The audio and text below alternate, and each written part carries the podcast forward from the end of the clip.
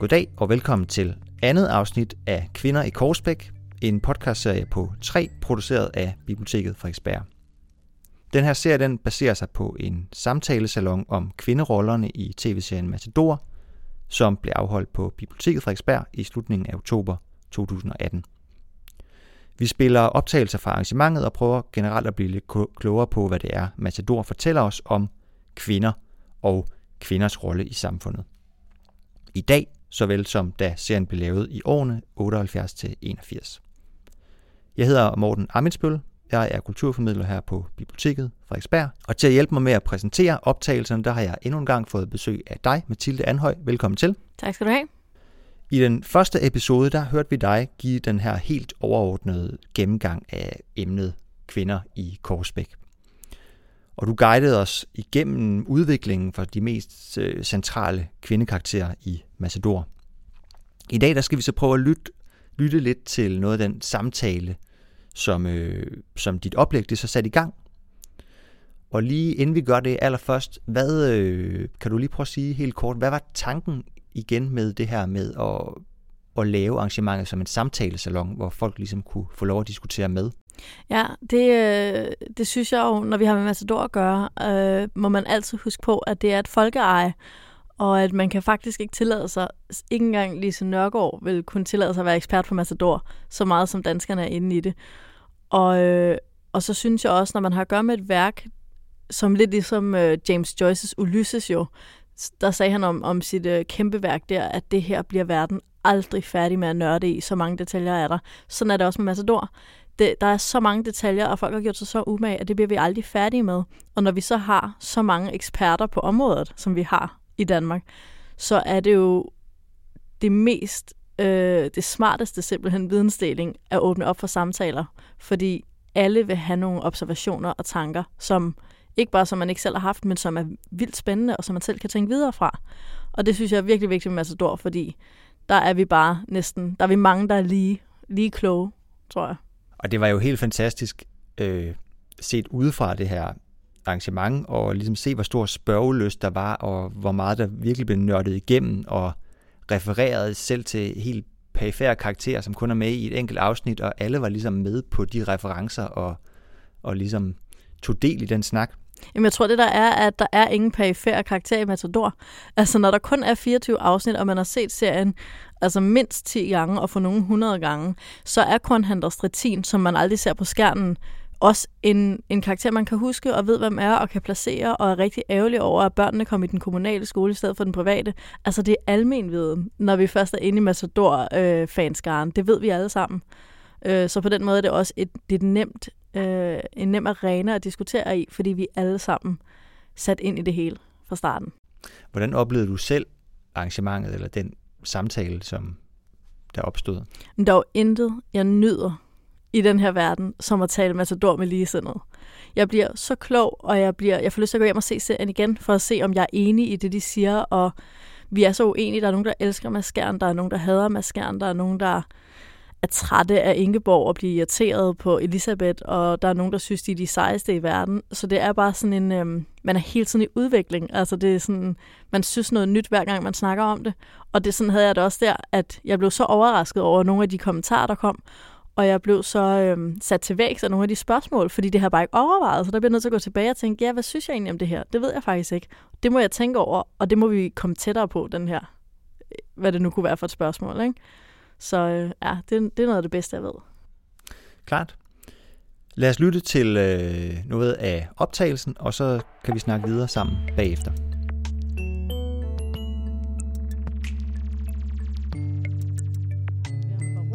Eller sådan.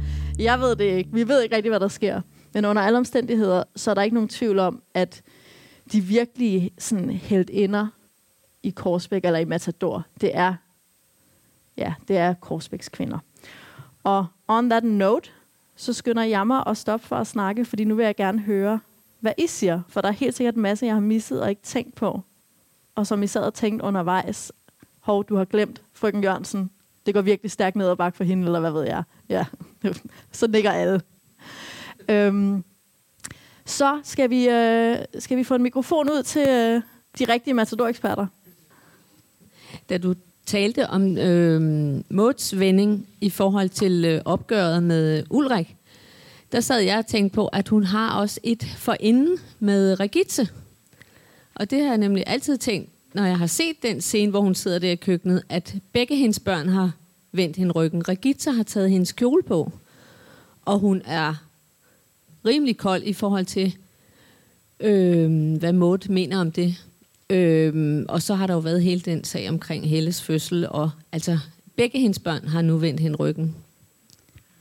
Det tror jeg faktisk er mega rigtigt at Ulriks ord har jo meget mere tyngde, fordi han er det sidste af hendes børn. Hun ved jo godt, hun har tabt Rigitte, og det er hun lige blevet mindet om i det Rigitte iskoldt svandt sig igennem stuen med hendes kjole på, uden at sige noget som helst til hende. Og det giver jo super god mening, at fordi at den, hun er allerede lidt heartbroken for sin datter, når sønnen så kommer og siger det der til hende, så står det jo lysende klart, at han har sgu ret. Det tror jeg er rigtigt. Øvrigt er vild med det der Rigitte opgør, også i løbet af serien. Fantastisk øh, plotline. Ja? Jeg sidder bare og tænker lidt på Violet Winter, som jo også er en forgangskvinde øh, for sin tid, og jo allerede, da serien starter, er selvstændig og, og godt kørende. Så jeg tænker, hvad, hvad siger du? Tænker du om hende? Hun er faktisk en af mine yndlingskarakterer. Jeg har jo i uh, Matador med mere, som jeg, uh, min anden podcast, som jeg laver sammen med Martin. Uh, han er jo, uh, og det er jo fuldstændig rigtigt, altså synes jo, hun er lidt uhyggelig til sidst, var lidt vinter, når hun sidder der med lilla hår og går i seng med en masse handelsrejsende. Jeg synes bare, hun er så sej. Jeg synes, det er vildt fascinerende, at hun sådan, ja, i 1947 bare lige pludselig begynder at feste og får sin anden ungdom. Og, øh, men vi har jo det her billede med Vejlet Vinter, det tror jeg er vigtigt, at der er sådan en enkekraft i Korsbæk. Der er super mange enker jo, fordi alle de her mænd jo dør i løbet af serien. Og de der enker er bare virkelig stærke. De har jo selvstændige forretninger, også nogle af dem, der ikke er enker, men bare enlige. Det er sådan frøken Mikkelsens privatskole, ja, Vejlet Vinters danseskole. Der er den her, sådan, der er så mange. Var der flere? Chokoladedamen Bella. Ah, ja, og hun har jo sådan der snydt byrådssekretæren til at sætte sig i gang, så det er jo endnu vildere. Øhm, men jeg tror virkelig heller ikke, det er tilfældigt, at sådan en som Violet Vinter øhm, klare sig selv øh, som enke. Men jeg tror også, at hendes udvikling øh, er lidt mere sådan... Øh, altså, jeg har ligesom taget dem med, hvor man ikke kan diskutere det. Hvor der er sådan en ret åbenløs udvikling. Hvor jeg lidt vind, der har lidt for derover sig, og jeg har tit tænkt på, om meget af det ikke kommer fra den der øh, konflikt, der er med hendes gode veninde Inger Jørgensen. Det er som om, at det brud, de to har, og den relation, de to har, påvirker begge deres liv rigtig dårligt. Og at hun på en eller anden måde, Violet Vinter, mister sin menneskelighed på et eller andet tidspunkt, øh, i for, i, mens hun hjælper Inger Jørgensen. Øh, så jeg synes, hun er en lidt mere sådan kompliceret karakter, og jeg har ikke personligt besluttet endnu, om jeg føler, hun laver en god udvikling eller en dårlig. Jeg synes, hun er sådan meget svær at greje. Hun er ikke, ikke kun dårlig i hvert fald, hun er stadigvæk sej. Det er også bare sejt at have lille hår og sådan være en sådan hore, som frøken, frøken Jørgensen kalder hende. Jeg synes, det er meget spændende. Grisehandlerens kone. Ja. Hun øh, synes jeg er speciel, fordi hun er jo selvstændig og har penge til side. Og kan du ikke sige lidt om hende? Jo, hende er jeg også meget interesseret i. Vi har jo det her med Katrine Larsen. Altså, hvis jeg skulle placere hende i den her øh, i den her lille udlægning, så ville hun jo høre under mændene, og under Dr. Hansen og Kristen og sådan nogen. Fordi hun bare er en mega god karakter. Hun er vildt klog. Hun er, hun er lidt brysk, men hun er følsom nok, som vi jo ved, da Herbert kommer hjem, og hun er ved at græde. Øhm, hun, så hun har alle de her kvaliteter, og hun har penge, så hun er selvstændig, og hun forvalter sine egne penge. Hun overskriver det ikke til nogen mænd, hun styrer hele mådet selv. Men hun udvikler sig faktisk ikke. Altså sådan, hun er faktisk den samme nogenlunde. Og ikke nok med det, så er jeg en lille smule i tvivl om til sidst, hvor hun siger til Ingeborg, hun skal tage hjem, hvor jeg føler lidt, at det vil min Katrine Larsen ikke sige. Så altså, jeg er sådan lidt, jeg føler, hun går meget lige ud, og så laver hun sådan en lille mærkelig buk til sidst, som om hun bare opgivet livet, også på sin datters vegne. Og det synes jeg bare er synd, især når man ved, at hun kunne gifte sig med baronen. så er man bare sådan, hvorfor siger du det? Men det ved hun selvfølgelig ikke. Hun ved ikke, de er gode venner. Men ja, jeg synes faktisk, Katrine Larsen, selvom hun er mega dejlig hele vejen igennem og vildt sej, er en lille smule deprimerende øh, i sin udvikling der til sidst. Øh, jeg tænker, at øh, det er noget af kvinders øh, skæbne, altså de fleste kvinders skæbne, at der er noget, der sidder i kroppen, og du kommer til at gentage noget, som du ikke vil. Ja. Altså hun kommer til at, når hun sender hende tilbage, ikke, så er jeg helt enig med, det, det er ikke med i karakteren, men det er det alligevel. For hun har selv siddet fast hele tiden. Det er rigtigt. Hvordan skulle hun kunne sige noget andet til sin datter? Ja, Ikke sandt? jo, det er rigtigt. Der er jo ikke nogen grund til at tro, at hun har fantasi til at forestille sig, hvad Ingeborg skulle gøre nu. Ja. Jeg vil egentlig bare spørge med Ellen. Hvorfor bliver hun så træls? Ja. Jamen, det er sjovt. Jeg har det sådan lidt med Ellen, som jeg også har det med Iben. Jeg synes bare, hun er meget fed. Jeg forstår ikke, hvorfor alle synes, hun er så irriterende. Jeg kan jo godt se det, altså. Men jeg tror, den åbenlyse, altså det vi skal tro som seere, det er jo, at Mads ødelægger hende. Ved at forkæle hende og ved ikke at stille krav til hende. Altså han gør det modsatte af det med Daniel, ikke? I stedet for, altså sådan, den ene, der ser han alle fejlene, og den anden ser han ingen af fejlene. Og hvis han bare kunne kombinere de der ting, og se sine børn lidt mere nuanceret, så var han kommet langt, ikke? Og så kan man så se, hvordan... Det er jo ligefrem som om, at Lise Nørgaard siger, at man bliver et bedre menneske af at have en dårlig far end en god far. Fordi Ellen har egentlig på en eller anden måde en traditionel god far, fordi han bare overøser hende med al sin kærlighed i form af heste. Men altså, objektivt set bliver Ellen jo egoistisk og forkælet, og en lille smule dårlig til at mærke sig selv. Det oplever man jo der med Mogens Lamborg. Altså alle, inklusive hendes egen mor, og alle Danmark ser ved godt, at hun ikke er forelsket i Mogens Lamborg, så hvorfor gifter hun sig med ham? Og det er jo, fordi hun ikke kan mærke sig selv, og ikke har den følsomhed. Men det tror jeg bare er meningen, at hun får. Og hvis jeg havde haft længere tid, så ville jeg have puttet hende på og sagt, at Ellens positive udvikling sker, når hun skal være tandlæge. Altså der ser man jo ligesom, hun finder noget i sig selv. Lidt ligesom Vicky og Iben, der jo også finder sig selv ved at øh, blive lærer. Ikke? Den ene skal en rideskole, den anden bliver tysklærer, og så laver de noget, de brænder for. Og så har man ikke behov for at være gift, når man elsker sit job, og man har gode venner, og man har kærlighed i sit liv. Altså det tror jeg, er det vi skal se med Ellen også, i sådan en mindre version. Og sådan lige til sidst, ikke? Fordi... Og så finder hun jo en professor, ved vi. Det er rigtigt, og hun har jo også en dominerende far. It all makes sense. Hvad Er det en Misse? positiv eller en negativ udvikling? Yes, i forhold til positiv og negativ udvikling. Og den er fandme svær, ikke? Fordi sådan, hun bliver jo sindssyg. Så, og spørgsmålet er, om det er en fremgang eller en tilbagegang fra der, hvor hun er. Det, der måske er med Misse, er, at hun er jo, hun er jo blevet seksuelt undertrykt. Altså, det er jo ligesom det, der er hendes plotline. Det er, at hun er blevet seksuelt undertrykt, og når man, så kan man så lære det, at hvis du seksuelt undertrykker en kvinde, så ender du med, at øh, kvinden tror... Altså, det er jo faktisk frygteligt, når man ser Misse med MeToo-briller i dag, ikke? Det der med, at der er ingen, der tror på hendes historier, og det er bare victim blaming, og hun er nok bare sindssyg. Hvad nu, hvis Prosmeier var oppe på altanen? Hvad nu, hvis apotekeren havde gjort tilnærmelser? Det ved vi jo ikke. Ej, men in all seriousness, så tror jeg, at, øhm, at Misse, der skal vi bare se en sådan tragikomisk parodi på, hvad man gør ved at presse de der kvindelige dyder ned over mennesker. Eller kvindelige dyder. Der skal ikke presses dyder ned over mennesker. Det bliver de sindssyge af. Det er jo det, vi lærer af Misse, øh, tænker jeg. Det er så bare ret sjovt, at det er den der kvindelige tyran, der gør det. Altså hendes mor. Men øh, Okay, øh, jeg vil bare spørge, om øh, Matador fortæller noget om kvindesynet i øh, 70'erne og 80'erne, hvor serien blev optaget. Det tror jeg helt sikkert, den gør. Øh, der er jo altså bare det med, at vi har det her kvindefokus, som jeg jo... Jeg har heller ikke tænkt over det i mange år, fordi jeg bare har siddet og set Matador, fordi det er hyggeligt. Men da jeg først så det, så virkede det også ret markant, altså næsten lidt voldsomt projektagtigt, at alle vores kvindelige hovedpersoner bare stormer frem og bliver mega selvstændige, mens mændene bare sådan lidt whatever. Altså de bare sådan lidt rykker der ud af. Øh, så der tænker jeg helt sikkert, at bare det her med at lave tv i slut 70'erne, så er det jo ikke tilfældigt, at vi har så stor fokus på kvindeudvikling, kvindefrigørelse. Også fordi de alle sammen frigør sig. Frigør sig fra familie, frigør sig fra selvforståelse, frigør sig økonomisk. Ikke? Ud på, kvinderne skal ud på arbejdsmarkedet. Ikke? Og så har vi selvfølgelig pornoens frigivelse, som vi ser på Misses øh, sindssyge, tænker jeg også. Ej, det var bare for sjov. Det tror jeg ikke har noget med det at gøre. Det gør Daniel Skjern også. Hvad gør han? Han, han frigiver sig også. Altså, på Det er præcis rigtigt. samme måde. Han rykker også ud og rykker væk og bliver selvstændig og gør jo faktisk alle tingene, Ja, som hans far ikke vil have. Han kommer jo ind og sidder hos herr Jørgen Det og er laver tingene. rigtigt, altså, og, øh, bryder fuldstændig med det. Så han, han har udviklingen, selvom han rent faktisk er mand. det er fuldstændig glemt.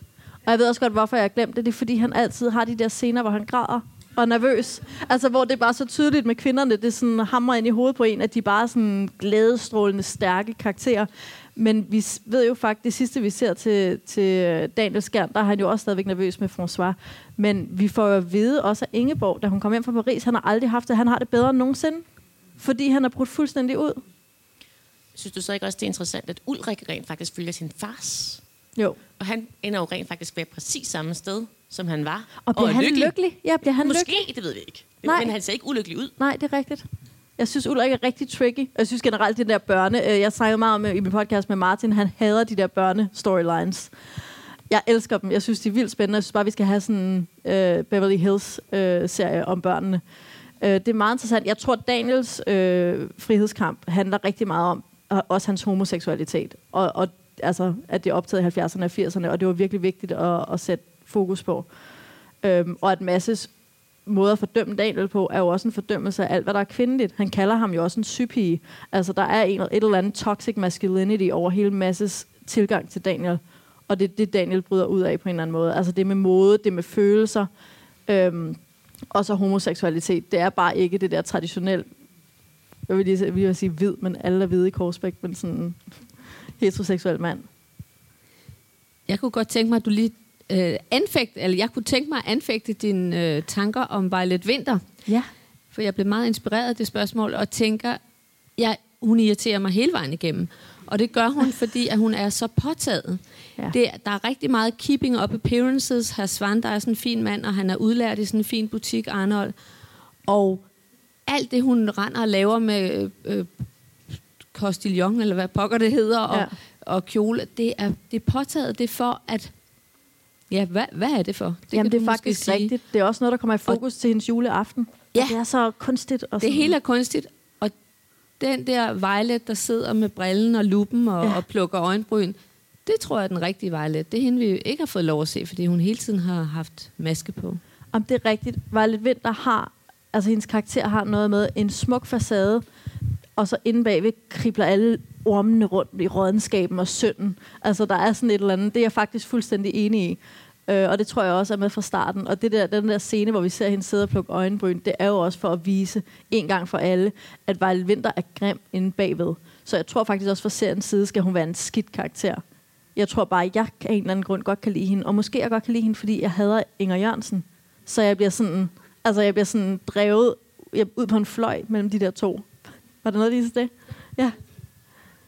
Men synes du så ikke, det er interessant, at Inger Jørgensen sandsynligvis ender ret lykkelig? Jo. Fordi hun ender jo som en tante, og pludselig får hun de der børn, som elsker hende højt. De elsker hende. Altså hun får to små gutter, som bare synes, hun er fantastisk. Og hvorfor ender hun lykkelig? Jeg har jo tit tænkt over Inger Jørgensen, at grunden til, at hun ender ulykkeligt flere gange, er fordi hun ikke er sød ved andre kvinder. Det føler jeg sådan hendes tema, og faktisk lige vil have det med som en lille sådan spin, at den kvinde, der er mest efter andre kvinder, først er det Vicky, og så er det Laura, og så er det Maud, og, så, og også i øvrigt Violet angriber hun jo også. Hun er så strid ved andre kvinder, og det er altid noget med, at de, sådan, de skal altid angribes, og, hun, og det der med, at hun er stolt. Hun er ikke... Hvad? Og Ulla får også en ordentlig omgang, ja. Ej, men hun er bare generelt rigtig fordømmende og ubehagelig. Og så bliver hun bare slået hårdt ned. Altså det der med, at det ligesom, at stolthed bliver straffet, at hårdmod står for fald, det er sådan Inger Jørgensens skæbne.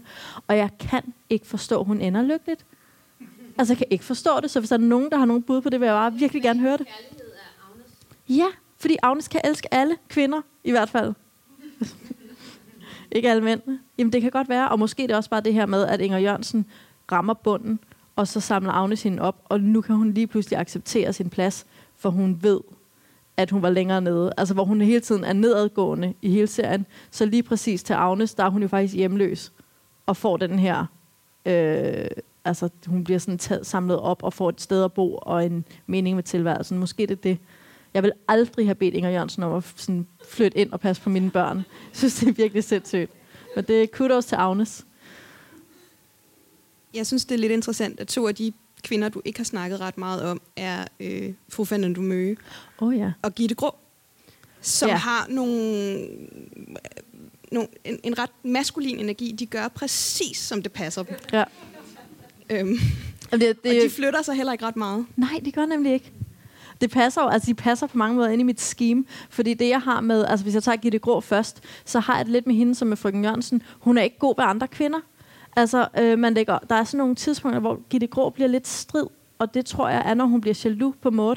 Altså, hvor hun lige pludselig kommer med sådan en øh, led fortælling om det med uniformen, og sådan prøver at håne Maud lidt, for hun gik ud. Der er hele tiden sådan, Gitte er sød og munter, men lige så snart der er nogle andre kvinder i nærheden, der tror hendes position, så viser hun klør. Øh, hun skal bare hele tiden, ja, Ja, præcis. Fordi det, er- det er præcis det, jeg har tænkt, at det er sådan en hævnaktion. Fordi at hun- hun mærkede det der, og så var hun sådan, Nixon Bixen, det er mig, der er femme fatale i den her serie. Så der er ikke noget til dig, Maud. Og så gør hun de der ting. Så for mig er hun sådan en øh, kvindernes værste fjende. Altså simpelthen. For, og det synes jeg er lidt ærgerligt, fordi jeg kunne sagtens forestille mig en Gitte Grå, der var sol, altså søstersoldarisk. Altså som havde en masse dejlig sex, og bare sådan fløj gennem tilværelsen og udnyttede mænd for deres penge og deres penis. Og så bare var ligeglad. Så det er så ærgerligt på en eller anden måde, at hun skal have det her element, hvor hun faktisk ikke er sådan god ved andre kvinder. Men måske det er det med den maskuline energi, at hun skal være den her. Hun minder mig så meget om, altså Gitte Grå karakteren minder mig så meget om Susse Vold i Den kroniske uskyld. I den der guldkjole, hvor hun bare sådan æderkop, der sådan gør mænd til bytte, men jeg er så også bare ligeglad med alle andre. Ikke? Og sådan lidt en ond karakter. Men ja, der er ikke rigtig nogen udvikling, men hun gifter sig så igen, ikke? og man får bare fornemmelsen af, at det bare gentager sig selv. Så hun gift med ham, indtil hun ikke gider mere. Så hapser hun endnu en halvdelen af hans rigdom med, og så fortsætter hun bare. Ja, sådan en- hvordan hun, Hun bliver, er når hun er en 80. bulldozer, der bare... Ja, præcis. Kører. Kører igennem livet og ødelægger alt bag sig. Ja. Og fru Fernando Møge kan jeg bare ikke forstå. Altså sådan hende forstår jeg ikke. Altså altså, hun er en vildt sjov karakter. Hun har hørt med i Volmer også, hvis der er nogen, der læst Volmer. Hun er sådan en karakter fra, øh, jeg tror, Lise Nørgaards egen baggrund. Øhm, men man kan jo sige det om hende, at altså, man, man bliver ikke glad, når hun dør, vel? Altså, man elsker sgu, at hun er der, og bare er, altså, gør, hvad der passer hende, og bare sådan, jeg kunne godt spise en bolle til, og jeg vil have whisky, og sådan, hun drikker også det, mændene drikker jo, altså det der med, hun drikker whisky, ikke? Hun er jo bare sådan, men i virkeligheden er hun jo en kvinde, der er blevet svigtet af sin mand. Han har jo børn med tjenestefolkene, og altså, så hun er sådan lidt, øh, det er virkelig en karakter, hvor jeg ikke kan, Ja, kunne du ikke tænke dig at sige lidt om fantasien om Fernando? hvordan har de fundet hinanden, og hvordan har deres forhold været? Fru Fernando Møge og herre Fernando Møge. Ja, Ej, men for satan altså. Nej, det kan jeg bare ikke sige noget som helst om. Jeg forestiller mig, jeg forestiller mig et ægteskab, hvor at, øh, hvor at hun har været sådan, han har været en, en rigtig dom- dominerende kal, og så har hun blevet kuget lige indtil han døde, og så er hun blevet ham. Det er sådan, jeg forestiller mig det i mit hoved. Og så har hun bare kuget videre i hans ånd på en eller anden måde, ikke? fordi når fangevogteren dør, så pff, det er det, jeg forestiller mig. Vi har heller ikke øh, berørt Laura. Kunne du sige Nej. et par ord om hende? Yes, det kan jeg rigtig godt. Laura er jo sådan... Jeg forestiller mig hende ligesom øh, en af de der karakterer, som man giver op på. Hun har jo en lille udvikling. Hun har jo mere at sige i Varnæshjemmet i sidste afsnit, end hun har, inden hun siger op. For hun har givet dem en mega forskrækkelse ved simpelthen bare at sige op og gå. Og det kan man se fra det øjeblik, hun vender tilbage. Hun går op i stuerne, hun går rundt i cardigan, altså hun går rundt og hygger sig lidt, og hun er en del af familien, og du ved, det med hunden, hun får lov til at beholde hunden, hun får kun lov til at beholde hunden, fordi hun har sagt op. mod siger direkte, bare hun ikke finder på at sige op igen. Så vi ved altså, at nu hvor Laura har sagt op, så har hun mere magt. Men det der med, at hun prøver af at være selvstændig, og det ikke går, jeg føler, det er lidt ligesom, øhm, at man ikke, altså old dogs and new tricks.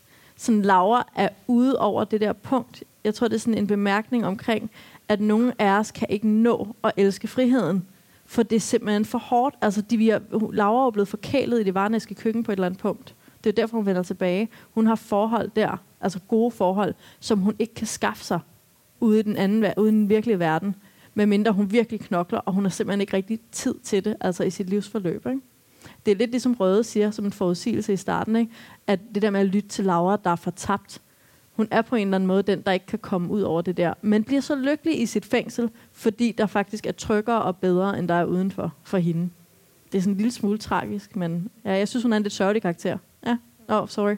Nå, det var bare lige en kommentar til det, du sagde, at fru Fernando Mø blev Fernando. Altså, man kan jo også sige, at Misse bliver sin mor. Der til sidst, hun sidder i hendes kjole der til sølvbrylluppet, er det ikke det? Jo, hun har den Altså- grå at- atlaske spå, Ja, hun blev enkefru. Hun bliver enkefru, ja. det. Men jeg tænker bare, at Misse bliver sådan, altså netop ikke bliver sin mor i karakteren, men går rundt i hendes tøj og sover i hendes seng. Altså på alle måder skal vises, at hun sådan prøver at blive sin mor. Men jeg ser det som et billede på, at hun prøver at vende tilbage til livmoren. Altså fordi hun aldrig er blevet voksen og seksuelt selv, så har bevægelsen nu vendt, og nu prøver hun at komme hjem i sin mors livmor igen ved at tage hendes tøj på og kravle ned, ned i hendes seng. Det er sådan, jeg ser det. Øh, I stedet for, at hun prøver at blive den nye tyran, så prøver hun at sådan komme ind og være baby igen. Men det er sådan, det er, min, det, det er sådan, jeg altid har set det der med, at hun render rundt i kjolerne og sover i den der seng. Jeg vender tilbage til, til Laura, så øh, da du fortalte om dit syn på hende, så fik jeg den tanke, at hun sådan rent fortælleteknisk øh, også tjener en, det formål, at hun øh, står som en kontrast til Agnes. Øh, fordi at, at Laura ligesom sidder fast, så er der en udvikling til slut, men ellers sidder fast og vælger at blive, hvor Agnes jo øh, har et behov for at bryde ud. Ja, det er rigtigt. Det tror jeg faktisk er fuldstændig rigtigt. Også det med, at vi møder dem sammen i det der køkken, og Laura er ovenpå, og Agnes er under.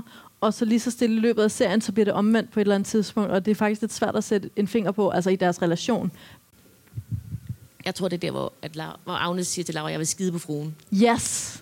Altså, der, der rykker hun ud af det der under Laura og under fruen. Altså det med Regitze og hunden? Lige præcis, lige Ja. præcis der, altså, hvor hun altså, tager børnenes parti over for Ja. øh, herskabet. Ikke? Jo, det tror jeg faktisk også. Og jeg har altid tænkt på den scene, som at det, der er et ekko af den senere, hvor at Maja sidder, til, øh, sidder og er på besøg hos Agnes med nogle silkestrømmer, og så kommer Laura ind og siger, det vil fruen ikke synes om, ligesom hun også siger i scenen med hunden. Og så siger Agnes, i- der siger hun det jo aggressivt, så det er ligesom sådan stødet, at nu er hun ude, ud over Laura og ud over det der. Men så i den der anden scene, som er i næst sidste afsnit, tror jeg, så siger hun, hvad rager fruen mig? Så hun er ligesom blevet sådan lidt mere venlig, men er totalt altså blevet ligeglad ikke? med det der. Og så tror jeg også, der er det med Laura, at hun skal ligesom, hun skal være fortidslevnet. Altså hun skal stå der i køkkenet og sige, så skal man også opleve, at, Mads, eller at de holdt, bankdirektøren holdt tale om dem. Ikke? Hun er den sidste, der holder fast i, at det er de nye, selvom de har boet der i 18 år på det tidspunkt. Jeg ved ikke, hvem der har boet 18 år i nogen by. Altså, og Laura holder bare fast i det der. Ikke? Så jeg tror også bare, det er det der med, at ja, Ja, på den måde har hun også samme udvikling som Katrine med at blive i køkken. ja det er rigtigt. Og det er sjovt, øh, det er køkkenet. Hvad, hvad hedder, ja, og hvis man ser på Herberts brev af Katrine, man kan lige så godt sige, at Laura er i sit køkken, står for mig som, hvad han siger, altså de sikreste i verden. Eller Ja, stil, præcis. En anden tanke kunne han slet ikke leve med. Det er faktisk rigtigt, at det er de to madmødre i Korsbæk. Det siger jo også bare om noget om det der med, at kvinderne ud af køkkenet er det vigtigste, der nogensinde er sket for kvindebevægelsen. For de kvinder, der virkelig er i køkkenet, de kommer aldrig ud. Laura og Katrine, de er der bare, men de er også virkelig gode. Så det er måske også det. At, måske er det også for at sige, at, at man godt må trives i køkkenet. Altså det der med at sige, det skal der også være plads til. At der er også nogen, der bare har det godt der. Og det er bare så fint. Men jeg ved bare ikke, om Laura er lykkelig. Er Laura lykkelig? Jeg ved ikke, jeg har den sidste kommentar altså, Ja. i forhold til det, at hun ender faktisk med den samme lykkelige udgang som frøken Jørgensen ved at have et barn, øh, som er ikke er hendes eget, men som, altså, som hun varetager 100 procent. Jeg drager omsorg for, og helt sikkert føler sig Mens knyttet at til. ikke? forældrene gør noget andet. Ja, det er rigtigt nok. Ja, hun har i hvert fald ikke et meningsløst liv, så der er en eller anden form for... Det er der. Der er en kommentar til. Vi har ikke talt om frøken Jacobsen. Oh. Min ultimative hadkarakter. Og det er så sundt, jeg kan ikke forklare det, jeg kan ikke forsvare det. Jeg synes bare, for ja, det, er så, det er også bare virkelig ikke særlig savligt, at jeg bare har ikke fået Jacobsen med, fordi jeg personligt bare synes, hun er kedelig. Ja, det mest interessante ved frøken Jacobsen, i min mening, efter min mening, er jo, at jeg tror, at Hans Christian har en affære med hende, fordi hun har samme outfit på som Elisabeth, som han i virkeligheden vil have, og samme hår.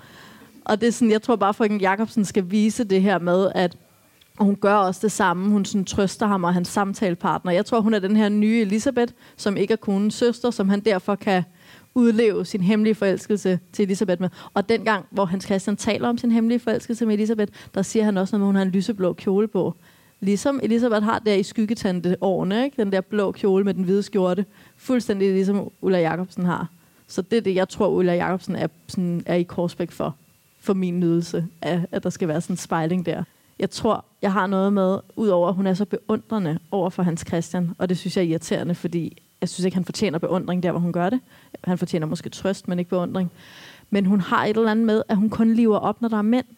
Altså det er som om, hun ikke rigtig er glad uden de der mænd. Altså er hun sådan deprimeret efter Hans Christian, fair nok. Så lever hun op med fuldmægtig Paul Christensen. Og så bliver hun deprimeret igen, og så lever hun op, da sådan Thomas Eje kommer. Og jeg var sådan, hvorfor vil du være kæreste med Thomas Eje? Og det var, ej, jeg tror bare, jeg har sådan, jeg føler ikke rigtigt, at hun noget sted, at jeg får et rigtigt sådan, jeg får ikke blod på tanden omkring hendes karakter. Jeg bliver ikke interesseret i hende, fordi hun mest bare er nogens kæreste hele tiden. Og det er nok lidt det, der irriterer mig. Det tror jeg ikke egentlig, hun er. Jeg tror bare, det er den, det, er det syn, jeg har på hende. Kom til at tænke på, det. jeg tror, det er en af forklaringen. Noget af forklaringen. Jeg synes også, du har glemt Marie. Jeg var lige ved at sige, hvem? Det hvem? Marie.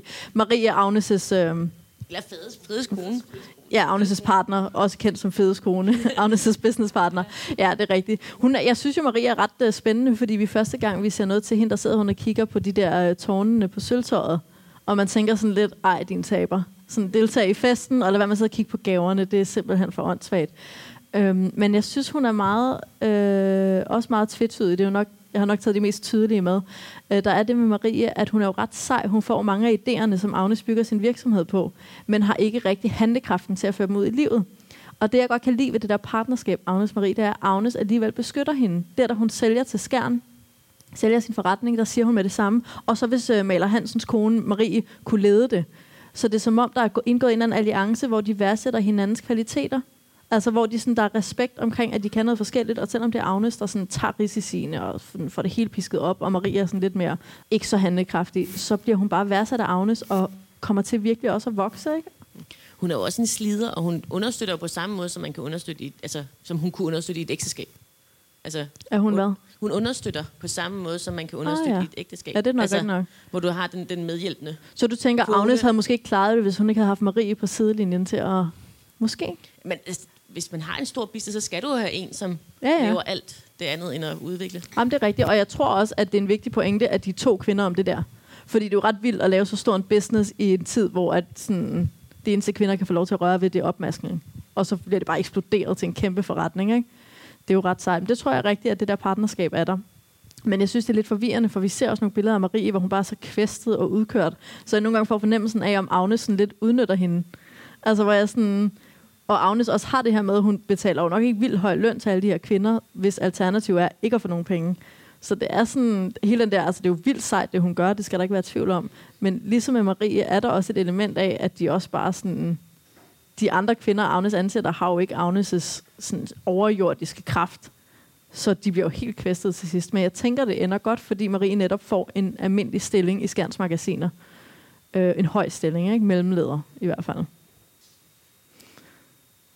Ja. Er der nogen andre, der har nogle spændende iagttagelser, som jeg rigtig gerne vil høre? Yay. tænk, tænk, tænk. Nej, det er et spørgsmål. Hvorfor har Fide og Marie ikke nogen børn? Ja, hvorfor har de ikke det? Er det ham, der ikke kan? Jeg havde jo engang, det er virkelig ikke, altså jeg tror virkelig, det er virkelig ikke særlig sødt, men jeg havde sådan i podcasten Massador med mere, øh, engang en teori om, at øh, Marie var feeder. Jeg ved ikke, om der er nogen, der ved, hvad det er. men jeg så et program på DR2 en gang, om at det, der er sådan nogle... Øhm, det var faktisk mænd typisk, der var feeder, og så var det kvinder, der var dem, der blev feedet. Altså det er sådan en eller anden form for sådan parforholdssygdom. Altså det er ikke noget, man kun har selv, det er noget, man udvikler sammen med andre. Og så er der den ene vil hele tiden give mad, og den anden vil hele tiden spise det, og så gør de bare det hele tiden. Og øh, de der mænd, der var feeder, de var alle sammen meget, meget små og spinkle. Så jeg blev sådan lidt mistænkt som over Marie, en meget lille dame. Meget lille bitte dame. Så det tænker jeg lidt på, om der var noget der. Så måske det er bare det, der optager deres ægteskab. Men jeg tænker faktisk helt, helt ærligt, at de ikke kan få børn. For det er så uvandt i Korsbæk at vælge ikke at få børn, ikke? at øh, der nok er noget der. Og hvorfor har Skjold Hansens kun én? Ja, det må du nok spørge om. Det var jo, fordi hun var et uheld. De vil nok bare leve livet, det vil jeg t- i hvert fald tænke på. Nu var der lige en anden bag til, som jeg lige... Øh... Var det ikke jeres podcast, hvor uh, I havde en øhm, teori om, at uh, der hvor at Axel falder i branddammen, der kommer de gående tilbage, og så siger de noget med, at de har været på kirkegården. Og jeg havde ikke en teori om, at de havde mistet et barn. Det er Eller i hvert var fald det ikke- den anden podcast? Om at... Det, jeg tænker, det har været den anden, for det vil jeg kunne huske. Det er en sindssygt god teori. De har været på kirkegården selvfølgelig. Også med sådan, altså lidt højere børnedødstal på det tidspunkt, end vi har i dag. Ikke? Er det måske ikke verdens mest usandsynlige... Øh... Det kunne man måske godt forestille sig. Det var et meget interessant svar på det spørgsmål. I hvert fald så der, hvor hun så altså finder ud af, at de ikke får børn, så kan hun så tage og gå ind i Agnes' business. Ja. Altså, når hun ikke selv får den der morrolle, Ja. øhm, som jo tager noget tid at have. Ja. Jamen, det er rigtigt nok, at der er jo også et element af, altså med Agnes og alle de der damer, at der er hele tiden de der børn, der skal jongleres rundt. Og hun, Agnes sidder jo også kun derhjemme, fordi hun skulle passe børnene, men samtidig insisterede på at tjene penge. Ikke? Så øh, det her med, at Mella Hansens kone overhovedet går ind i det her, det er helt sikkert noget at gøre med, at der ikke er børn, der skal passes derhjemme. Ikke? Altså det siger jo også noget om, hvor sådan hvor, hvor stor en byrde de små, små nu, nussepus er. Det er bare sådan, ødelægger bare karrieren fra starten. Det er ikke så godt. Men det tror jeg er rigtigt. Det tror jeg er rigtigt, at det er afgørende. Jeg kan ikke helt finde ud af, hvad Lise Nørgaard mener om ægteskabet, når jeg kigger på et af de eneste rigtig lykkelige ægteskaber hele vejen igennem. Skjold Hansen. Hvor, altså, Musse ender et rigtig trist sted. Hun vil bare gerne have sin gamle Viggo tilbage. Ja. Altså, det, det er vidderligt et af de eneste ægteskaber. De har det super godt sammen, ja. Selvom Viggo er et redselsfuldt menneske. Det er Musse også på en eller anden De er bare måde. lige redselsfulde. Ja, det er det, der men de elsker hinanden. Ja. Jeg tror virkelig, der er noget, og det synes jeg gælder hele Matador, at der er noget med, at de ægteskaber, hvor at der er plads til egoerne, det er som om, det er dem, der fungerer. Altså blandt andet det der med Skjold Hansens er så i øjnefaldene, at det fungerer, fordi de begge to bare siger, hvad der passer dem, og de begge to gør, hvad der passer dem, og der er sådan en frihed i det der ægteskab. Men jeg synes også, at, at øh, Grise Handler Larsens ægteskab tit bliver fremstillet ret lygtigt, og der er jo også den forskel, at Katrine har pengene, og han tjener pengene. Så der er den der lighed. Så jeg tror, det er sådan noget med, at de der ægteskaber, hvor vi ser ligheden blomstre, det er dem, der får lov at være gode i hendes fortælling, fordi hun bare er så hårdt ude efter ulighed. I ægteskaber, uden for ægteskaber, alle steder. Så vil hun bare virkelig gerne, sådan, tror jeg, løfte pegefingeren over for det der med, øhm, med den store ulighed. Og i øvrigt også Maria og Fede har jo nok også et meget lykkeligt ægteskab. Og der er også en form for lighed, fordi at de, måske fordi der ikke er børn, er der ikke sådan den store afhængighed af hinanden på den måde, vel? Så jeg tror, det er det. Jeg tror, det er den der lige børn leger bedst i forhold til frihed, ikke? Det passer også i forhold til formue. Altså, Ja, øhm, hun er jo også rig. Kom jo med pengene, og rigtigt. Hansen har så forvaltet dem og sat dem tilbage igen. Ja. Men hun har dem stadigvæk jo ikke. Altså det der med særejet og sådan noget. Hun får, har alle pengene på sit særeje. Jeg tror ikke det. Jeg tror, der er noget omkring, at, øh, som også er pointen med alle de her kvinder, at man kan simpelthen ikke blive rigtig lykkelig, hvis man ikke har en selvstændighed. Det kan bare ikke lade sig gøre. Så de der kvinder, der bare har penge på kistebunden, de har bedre chance for at blive lykkelige i deres ægteskaber. Fordi, ikke fordi det handler om at blive fri af mænd, men det handler om at blive fri af afhængigheden af mænd. Det er en vigtig pointe, ikke? Og det har Ingeborg ikke. Og det har Ingeborg ikke, og derfor bliver hun heller ikke entydigt lykkelig. Der er det meget mere sådan, Åh, hvad gør vi med den her karakter? Fordi hun er bare bundet til en mand, hvis hun vil have det liv, hun nu har vendet sig til. Og hun kunne ellers arve. Ja, hun kunne jo arve på et tidspunkt, ikke? eller bo hjemme hos sin mor og far igen, ikke? men det er jo også det, det er lidt svært. Og Ingeborg skulle, Ingeborg skulle bare have fået det job i Skjerns Magasiner, fordi så hvis de blev skilt, kunne hun bare komme over og arbejde et andet sted, fordi hun havde joberfaring. Og det fik Mads ødelagt. Damn him. Ja. Det kan vi ikke gøre noget ved nu. Men jeg tror helt sikkert, at Ingeborg skal være en tragisk karakter. Altså også. Så, selvom hun gør en masse godt, så har jeg sådan, hun er den her feministiske martyr. Hun hjælper alle andre kvinder, men hun hjælper ikke sig selv. Hun får aldrig insisteret på, at hun gerne vil være underdirektør i Skans Magasiner, eller hvad ved jeg, marketingchef. Altså det er hende, der taler om alle repræsentanterne. Hun kunne så let have fået et job der, og hun insisterer aldrig på det. Fordi hun føler, det er vigtigt at tage sig af, altså, af børnene, eller redde andre kvinder, eller tage sig af masse. I hvert fald ikke sådan kæmpe for sig selv. Det tror jeg er en af grundene til, at vi ser sådan tre-fire scener i, under sølvbrylluppet, hvor Ingeborg sidder og ser rigtig, rigtig trist ud. Det tror jeg ikke er tilfældigt. Det tror jeg er sådan lidt advarende. Ja. Er der andre, der sidder og gemmer på nogle kommentarer, som vi alle sammen gerne vil høre? Ja. Nej, det er faktisk et nysgerrigt spørgsmål igen, fordi Ja. hvor har Katrine alle sine penge fra? Ja, hvor har, altså, vi ved jo, hun er gammel bondeslægt, ikke? Så jeg tænker, vi har at gøre med sådan, altså, st- en stor gård, ikke? Der, er gået, der er gået i arv, og hun har så arvet, og hun må have været eneste datter. Vi hører jo heller ikke om nogen søskende. Så jeg tænker, hun har været enearving til den der kæmpe gård. Og så har fundet en, øh, en fyr, der gider at lave arbejdet, ikke? Altså et grisehandlerarbejdet. Øhm, Og hvorfor har de kun et barn? ja. Det er et godt spørgsmål. Der er faktisk utrolig mange enebørn i Korsbæk. Forbavsende mange. Ja, det er sådan, der er et eller andet helt galt med statistikkerne der, og det handler så meget om, at de ikke gad skrive søsken ind, så alle har bare fået det. er sikkert, helt sikkert et sådan tv-forklaring, og ikke en... Og fjorden, de er alle sammen døde i fjorden. Ej, det er så meget det, de er alle sammen døde i fjorden. Ja, ej, jeg vil ikke sige karaktermæssigt, at der er ikke nogen grund til, at de skulle få et barn. Men mindre det fordi det også er genetisk, og Katrine også var enearving, og derfor får hun også kun én datter. Så måske det er sådan en slags øh, biologisk Hun holder på pengene. slægt, og hun holder på pengene, fordi hun er gammel bundeslægt, ja. På et tidspunkt, at hun er jo vores eneste. Altså, han ville jo gerne have flere. Vil han det? Jeg mener, han, er det ikke han, han, de sidder og snakker, er det ikke ham og Mads, der sidder og snakker i bilen? Og så siger han, at hun er jo vores det er eneste. rigtigt. Lige starten der, ja. ja. Det er rigtigt. Ja, så han har vel gerne vil have haft flere. Jeg kan vide, om Katrine bare har sådan lukket for det varme vand. Altså, det er jo ikke sjovt at føde. Altså, skulle jeg hilse at sige. Så det kan da godt være, at hun bare har været sådan... det, øh, det tænker jeg da umiddelbart godt. Men det kan jo også godt være, at der bare har været komplikationer. Eller et eller andet. Altså, jeg synes i hvert fald ikke, det Jeg synes, det er lidt sjovt, at vi ved, at Katrine nok er den eneste, altså har været enebarn, og Ingeborg også er det, ikke? Det lugter måske lidt af biologi. Ja. Andre ting? Ja. Det er dejligt at få lov at sidde og mene en hel masse. Ja. Der, der blev sagt noget tidligere, som mindede mig om det her, at de gange, jeg har set Matador, altså første gang, jeg så Matador, der var jeg jo en lille pige, og nu er jeg en voksen kvinde, sjovt nok. øh, altså min holdning til de forskellige kvindefigurer har forandret sig rigtig meget. At jeg var kæmpe fan af Elisabeth første gang, jeg så at hun var jo den rigtige, og alle de der, øh, både Iben og Vicky, og, og selvfølgelig også, øh, hvad hedder hun, Femme Fatale? Gitte Grå. Gitte Grå. De var jo nogle frygtelige kvinder, men jeg har tiltagende fået mere respekt for dem på samme måde, som du har. Flaner. Ja, det er skønt ord. Døgnets Hun er flaner, en ja. flane, ja. øhm, ja, det ved jeg ikke, hvad jeg vil sige med. Det, det er bare interessant. Ja.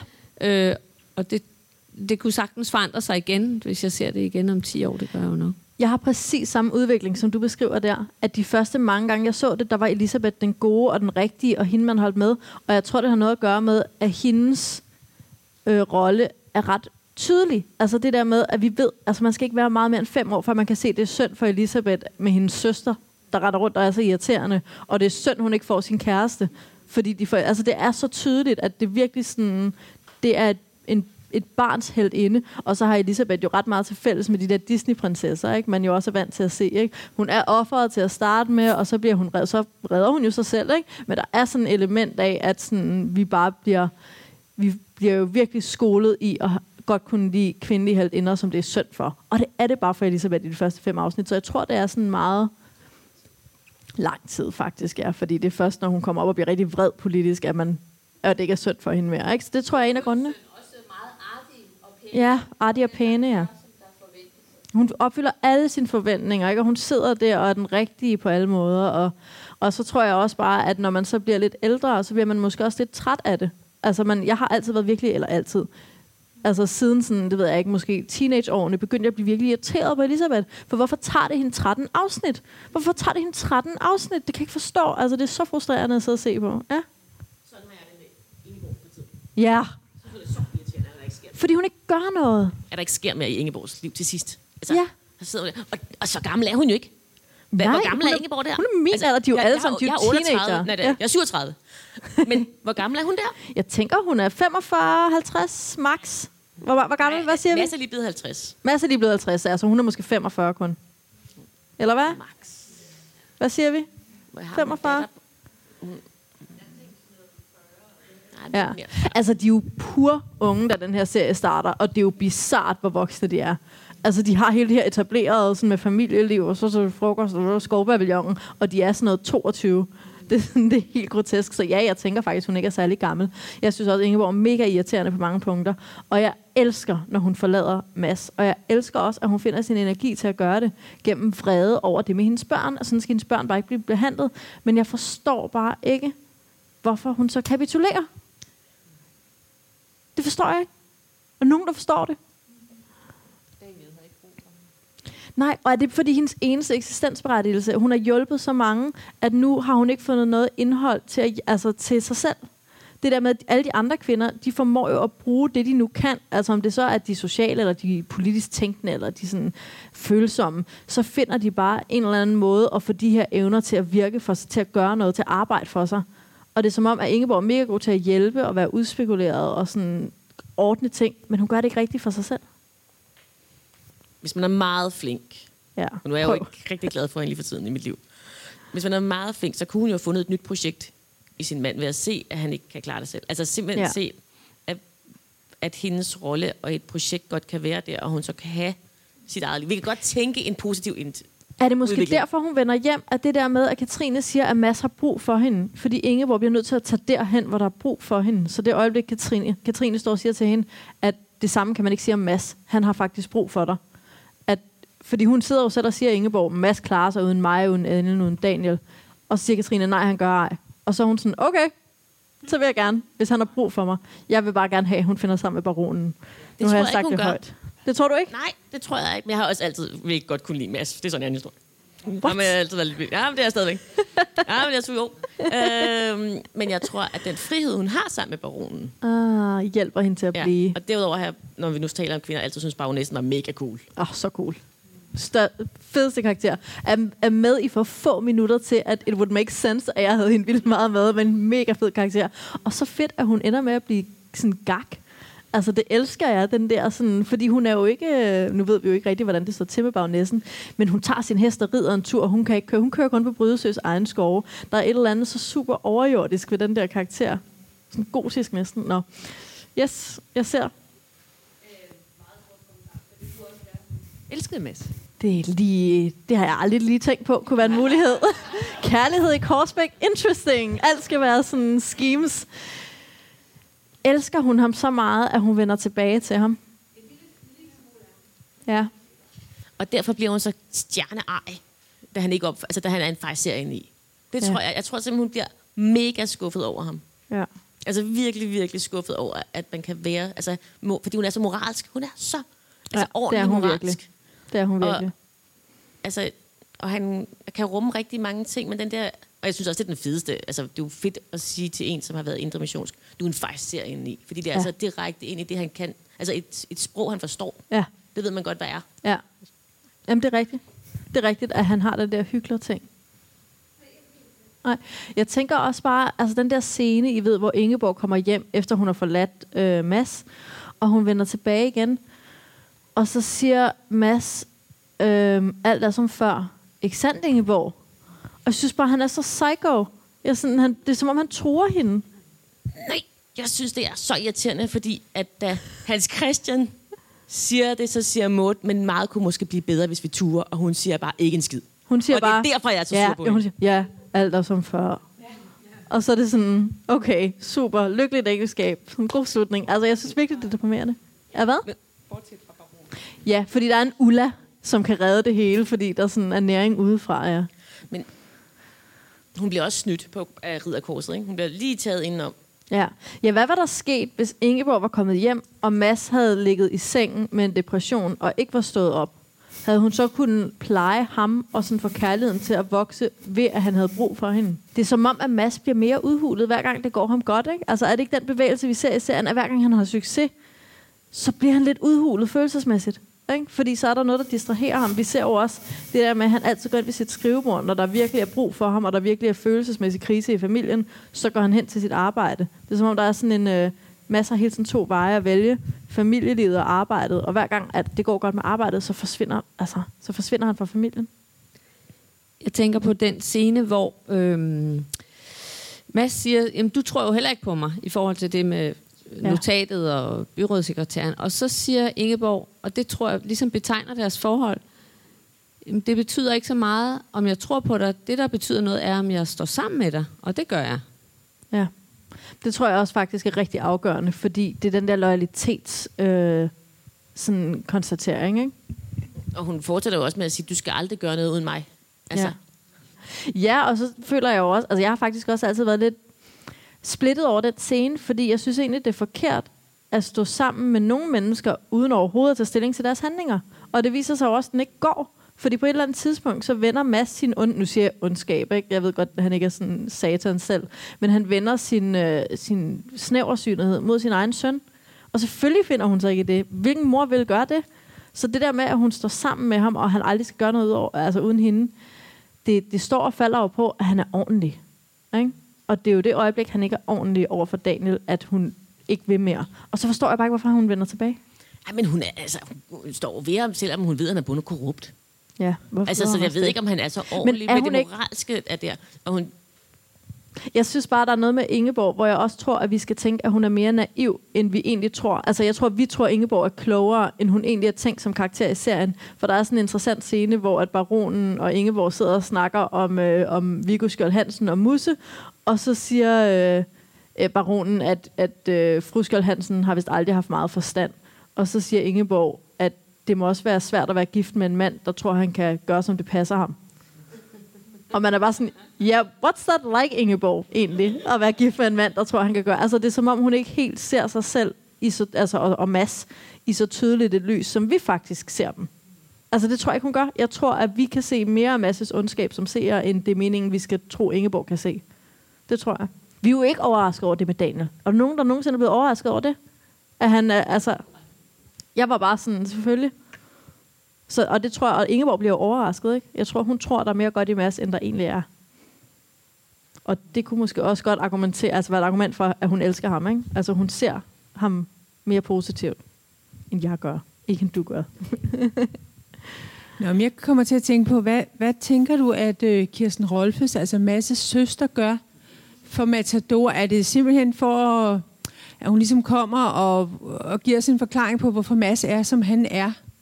Eller, eller hvad? Ja, jeg tror, det, jeg tror, det er rigtig vigtigt, at vi skal forstå baglandet. Og, øh, og så tror jeg, at det er øh, også en, et vigtigt element, at det der afsnit at tænke og tro øh, med Daniels konfirmation er mega religionkritisk. Fordi Lise Nørgaard er mega religionkritisk. Øh, så det, jeg tror virkelig, det er meningen, at vi skal se nogle ting ved Mads Skjern omkring hans, øh, hans måde at være religiøs på, som er kritisabelt. Og så tror jeg, øh, altså det er min personlige sådan, konspirationsteori, at det ikke er kommet nok frem, og det ikke har fyldt nok, og de har haft behov for at have det her indre missionskritik med, altså også der sen 70'erne, ikke? at den har bare skulle få, få hele armen, og så får vi bare den mest, altså klart mest karikerede karakter overhovedet Matador. Måske med undtagelse af Lea Andersen, ikke? Men Faster Anna, hun er, jo bare, hun er jo bare ond, som dagen er lang, selvom hun er religiøs. Det er sådan helt mærkeligt, og hun er helt grotesk, og kalder hende sko- skøge, og også, hun er også sådan karikeret med, ja, nu går faster. Og det er sådan, hun er bare mærkelig, og hun passer egentlig, hun, altså genremæssigt, synes jeg faktisk ikke, hendes karakter overhovedet passer ind i Massador. Jeg synes, det fungerer fint, jeg synes, det er et sjovt afsnit, men det er virkelig mærkeligt. Og jeg tror, det er fordi, at vi også skal se Mads bryde fri af sin religion lidt der. Øh, måske. At han ser også det der med, at han siger, at Ingeborg har lært mig at se lyser på livet. Ikke? Han værdsætter Ingeborg, og vi får ham ligesom trukket ud, endegyldigt ud af Indre Mission, og placeret ham i en mere sådan almen protestantisk sammenhæng, som vi alle sammen er trygge ved, på en eller anden måde. Ikke? Og så er der jo ikke noget som en skurk til at gøre skurken til held. Så der, fast der Anna sidder der, er Mads bare ikke så slem. Det er jo også et, øh, en vigtig pointe. tror i, at synet på Ingeborg er præget af, hvordan man ser på Gita Nørby? Fordi hun virker meget sådan eksplosiv. Og, sådan, Ja. ikke? og, meget, Så- og stor karriere og sådan noget. Så, altså, fordi man kender hende fra alle mulige... Altså, at, at Inge, synet på Ingeborg simpelthen bliver præget af skuespilleren. Så vi synes, Ingeborg er sejere, end hun ville have været, hvis hun ikke var blevet spillet af sådan den sejeste kvinde i det her land. Agtigt. Ja, det er et meget godt spørgsmål. Er der nogen, der har nogle øh, tanker om det? Jeg tænker, øh, ikke fordi, Ja. men hernede, for dem, som har været... Altså, jeg var jo ret lille. Altså, Ja. som ikke født endnu, da den startede. Men dem, som har kendt, altså som er vokset op med det. Med Gita Nørby? Ja, med Gita Nørby, og også med, med rollerne. Jeg tænker Ja. bare, der må være folk, som har, som har kendt dem længere, end jeg har. Eller sådan på en anden måde. Anyone? Altså, fordi ja, ja. Altså ikke, at jeg kan huske, hvordan jeg tænkte, for jeg var en lille pige, men min far elskede alle de der Morten Korkvind. Ja. Så øh, hvis vi vidste noget om Gita Nørby på det her tidspunkt, så spillede hun altid ung og yndig og uskyldig. Hun var ikke den sejeste. Hun var ikke øh, dansen om Regitze og noget af det, vi kender hende for sidenhen, øh, stor jødisk mamma. Men hun var ung og yndig og bagnæsten fra benzinsang. Ja. Åh, oh, den bedste film. Og næsten på benzinsangen, altså. Jeg ved, at øh, jeg var så ikke selv så moden heller til Matador første gang. Nej. Men min mor og hendes søstre, de synes, det var meget mærkeligt at se Marlene Schwartz som Maud. Ja. Fordi hun var sådan en Hun var en powerkvinde, ikke? Ja, ja, teaterdirektør og alt muligt, ikke? Det er jo meget sjovt, det der med, at, at de skulle have været omvendt, ikke? Øhm, hvad hedder det, Helle Virkner og Malene Svarts havde Lise Nørgaard tænkt, at Malene Svarts sk- skulle spille øhm, Elisabeth, som bliver sådan en powerpolitisk øh, kvinde, og at øh, den sarte Helle Virkner skulle spille den sarte mode, og så flippede han den lige til et fantastisk resultat. Øh, men jeg har faktisk, jeg tænker også Gita Nørby som den her sådan sindssygt imponerende kvinde, fordi man er, kender hendes karriere. Og med det røde hår, og bare sådan, hun er over 80, og hun opfører sig, som om hun er 30, og man er bare sådan, hvor du sej. Men det er jo rigtigt, at hun har faktisk mange af de der yndige ungpige-roller i virkeligheden før det her.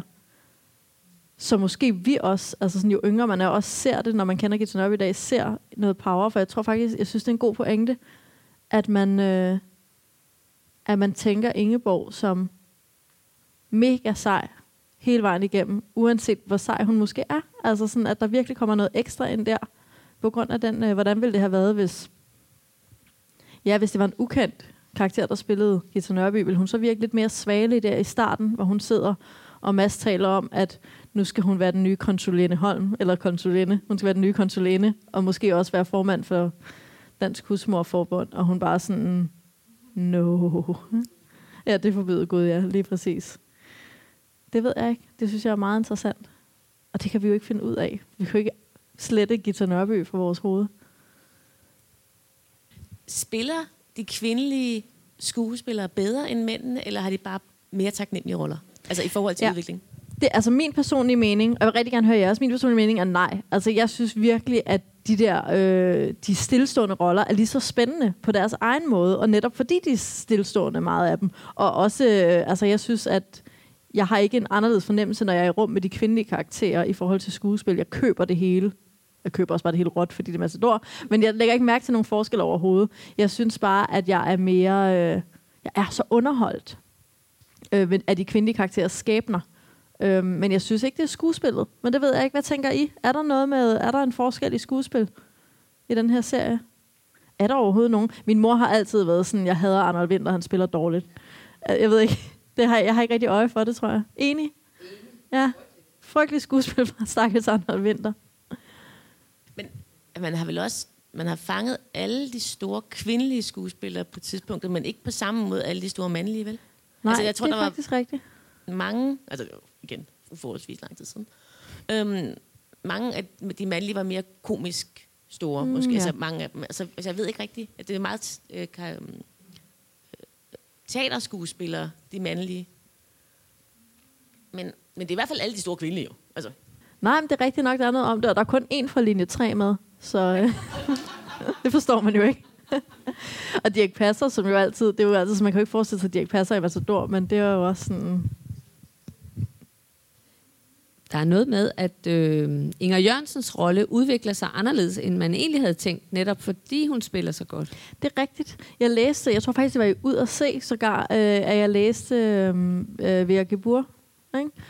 havde øh, hun hendes sidste rolle i manuskriptet. Hun skulle skrives ud efter, at Damernes Magasin lukkede. Og så havde hun sin sidste scene, hvor hun sidder inde i øh, omklædningsrummet. Eller hvad hedder det det? Prøverummet, tak. Prøverummet hedder det også dengang. Prøverummet. Øh, og bryder sammen over, at, at Albert er død, og hun ikke har fået ham, og bare har det her fuldstændig sammenråd, og brøler, gå ud med jer alle sammen. Og hun bare havde tænkt lige inden, nu går du ind, og så spiller du bare din røv i laser, og du laver det bedste skuespil, du har lavet. At hun virkelig havde bygget sig selv op, og bare gået ind, og så leveret alt, hvad hun havde i sig, som var fuldstændig smadret bagefter af den der kraftpræstation af skuespil. Og så var Erik Balling kommet hen og været sådan, nej, vi skal have mere. Vi skal lave noget mere. Og så har de simpelthen udviklet den der... Øh, så, og det er en sindssygt fed. Jeg elsker øh, Inger Jørgensens øh, udvikling. Og synes også det der med, at man sidder, når man ser Matador og tænker, ej, det er min søster, og det er min veninde, og det er min ung. Altså man har de der man hele tiden kommer i tanke om andre mennesker, fordi det er så mennesketro karakterer. Der har jeg også bare Inger Jørgensen, de der typer, der starter med bare at være måske lidt stolte og lidt stadige og lidt snobbede, hvor man bare sådan kan mærke, at det bliver værre og værre.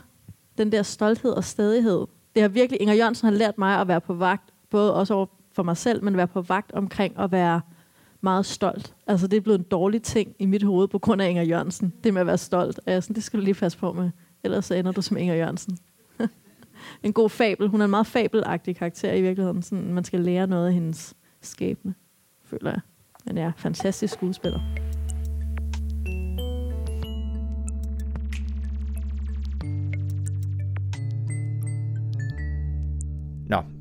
Det var jo en meget øh, engageret og virkelig interessant diskussion, som vi lige har lyttet til her om Korsbæk kvinder. Og der var jo virkelig mange forskellige perspektiver og emner, der blev bragt på bane i øst og vest. Men Mathilde, hvis du ligesom skal prøve at opsummere lidt, hvad, øh, hvad synes du så, der kom altså på banen af nye ting? Var der noget nyt for dig, som du synes, øh, du tog med? Jamen, det var der i den grad. Øh, blandt andet det her med øh, de maskuline kvinder i serien, altså øh, mere præcist fru Fernando Møge, som jo er den her øh, supermaskuline kvinde, som taler med dyb stemme og meget tyrannisk og drikker whisky, at hun faktisk øh, ikke udvikler sig, og også er den eneste kvinde, der må lade livet øh, i løbet af de 24 afsnit.